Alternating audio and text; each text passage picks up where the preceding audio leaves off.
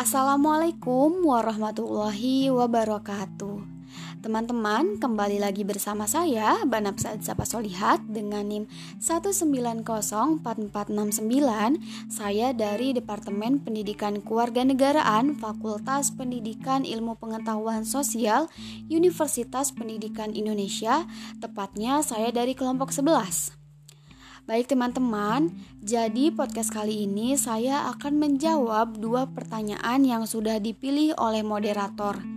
Sebelum sebelum menjawab, saya akan berterima kasih kepada teman-teman semua yang sudah memberikan komentar, tanggapan, dan pertanyaannya. Meskipun pertanyaannya tidak dapat dijawab semuanya dapat dalam podcast kali ini, mungkin nanti kita dapat berdiskusi di lain kesempatan ya, teman-teman.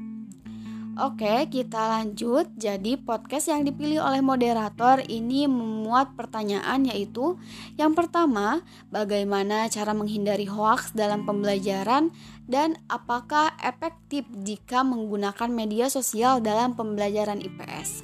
Dan yang kedua itu pertanyaannya bagaimana cara seorang guru dalam membatasi penggunaan media sosial dalam pembelajaran IPS. Oke, saya akan menjawab sesuai dengan pemahaman setelah membaca bab buku ini dan nantinya mungkin akan ditambah dengan beberapa pendapat saya. Untuk pertanyaan pertama, bagaimana cara menghindari hoaks dalam pembelajaran? Mungkin ini sama halnya ketika kita menghadapi banyaknya hoaks yang ada dalam kehidupan kita sehari-hari. Oleh karena itu, Guru ini memiliki peran yang sangat penting agar dapat mengawasi para peserta didik agar tidak sampai percaya terhadap sesuatu yang tidak akurat. Nah, dalam buku ini teman-teman, dalam bab buku ini dijelaskan adanya penilaian transmedia, yang mana penilaian transmedia ini menuntut siswa agar dapat menilai kredibilitas dan keandalan informasi yang mungkin mereka temui di situs berita, YouTube, Twitter, Wikipedia, dan lain-lain.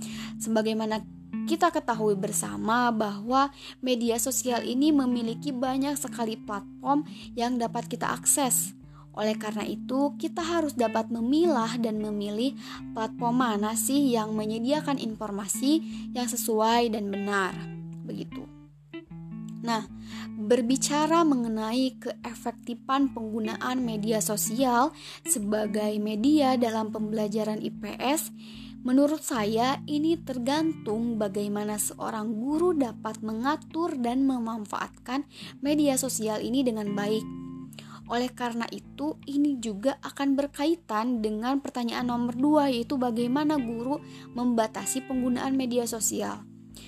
Karena dalam menggunakan media sosial ini harus adanya standarisasi yang digunakan sebagaimana yang saya katakan di podcast dalam menyampaikan materi bahwa harus ada kemampuan untuk dapat mengevaluasi keandalan dan kredibilitas informasi, harus dapat berkomunikasi dengan orang-orang yang memiliki latar belakang yang berbeda, budaya yang berbeda, bahasa yang berbeda, dan harus memiliki keterbukaan gitu jadi kita tidak dapat tertutup oleh opini-opini yang ada gitu.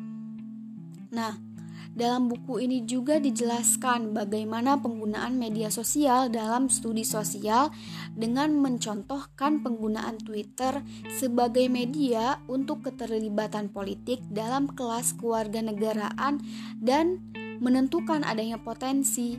Hanya saja memang diperlukan panduan dan instruktur untuk mendorong adanya dialog politik yang bermakna.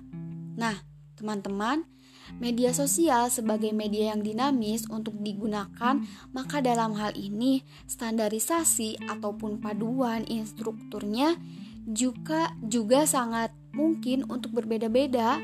Tapi yang perlu kita ingat pendidik studi sosial harus mengeksplorasi bagaimana kita dapat mendidik siswa untuk menggunakan media sosial untuk menumbuhkan pengalaman mereka dalam kehidupan demokratis, dialogis, dan memanusiakan pastinya. Satu yang saya dapat ketika memahami analisis Kenneth yang dibahas dalam bab ini adalah seorang pendidik harus dapat mengetahui kemungkinan-kemungkinan yang terjadi di depan agar kita dapat mengevaluasi atau dalam hal ini menghindari sesuatu yang kita tidak inginkan. Nah, itu pendapat saya dan ditambahkan dari berbagai fakta-fakta yang dikemukakan dalam bab. Jadi mungkin cukup sekian jawaban dari dua pertanyaan tersebut. Apabila ada kesalahan, mohon untuk dimaafkan. Mungkin cukup sekian. Wabillahi taufik walhidayah. Wassalamualaikum warahmatullahi wabarakatuh.